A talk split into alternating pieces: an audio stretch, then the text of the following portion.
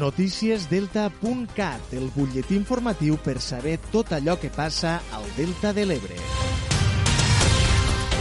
Hola, bon dia. Us saludem des de Delta.cat. Anem a repassar l'actualitat de la jornada. L'Ajuntament de Deltebre ha presentat els diferents actes que es duran a terme el cap de setmana del 24 al 26 de febrer en motiu de la celebració del Carnaval. En total, durant tot el cap de setmana hi ha previstos fins a set actes dirigits a tots els públics. El més rellevant, com és habitual, la Rua de Carnaval, que tindrà lloc dissabte 25 de febrer i a la qual a hores d'ara ja compta amb 20 comparses inscrites i amb més d'un miler de participants. Ens ho explica en la següent crònica Andreu Miralles.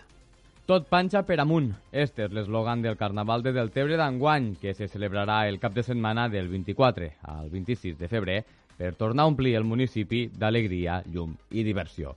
Entre les set activitats dirigides per a tots els públics i destaca, com és habitual, la tradicional Rua, la qual a hores d'ara ja compta en 20 comparses i al voltant de 1.000 persones inscrites. Estem en un programa molt complet eh, per a tots els públics, eh, per a la gent gran, per a la gent jove, per a les nostres mascotes, per a també els que volen gaudir d'una bona gastronomia al Delta pues, a través dels restaurants, dels menús que ens eh, ofereixen el menú del cap de setmana del Carnaval i que eh, una vegada més, després de, després de que l'any passat vam poder recuperar el Carnaval en una data diferent per tota la situació que sortíem del Covid-19, però una vegada més eh, el Carnaval de Deltebre ja eh, 10 dies abans, marca un punt d'inflexió d'un acte multitudinari.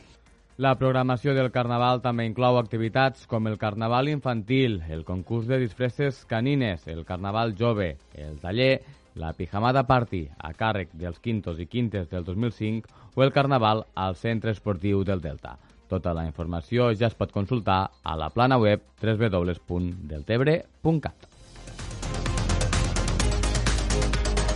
I este dissabte l'Avatars Academy organitzarà la quarta edició del torneig solidari Petits Herois al camp de l'AUB de Jesús i Maria, a Deltebre. La jornada transcorrerà des de les 10 del matí fins a les 7 de la tarda els diners recaptats en esta activitat s'entregaran a l'Hospital Sant Joan de Déu per a lluitar contra el càncer infantil. Aleix Frank, director esportiu d'Avatars Academy i director del torneig, explica la manera com es pot col·laborar.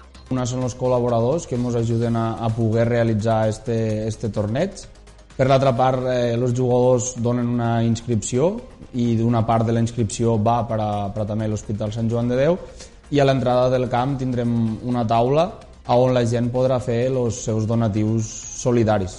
També durant aquesta setmana eh, del torneig penjarem a les nostres xarxes socials de, dels Avatars Academy uns cartells on ells podran també veure com poden col·laborar si algú el dissabte doncs, no pot vindre al camp i vol ajudar igualment que ho pugui fer doncs, a través d'una transferència o, o d'un visum. En este torneig en el que participen alevins de primer any prendran part un total de 16 equips, entre ells el Barça, l'Espanyol, el València o el Villarreal, a més de representants ebrencs.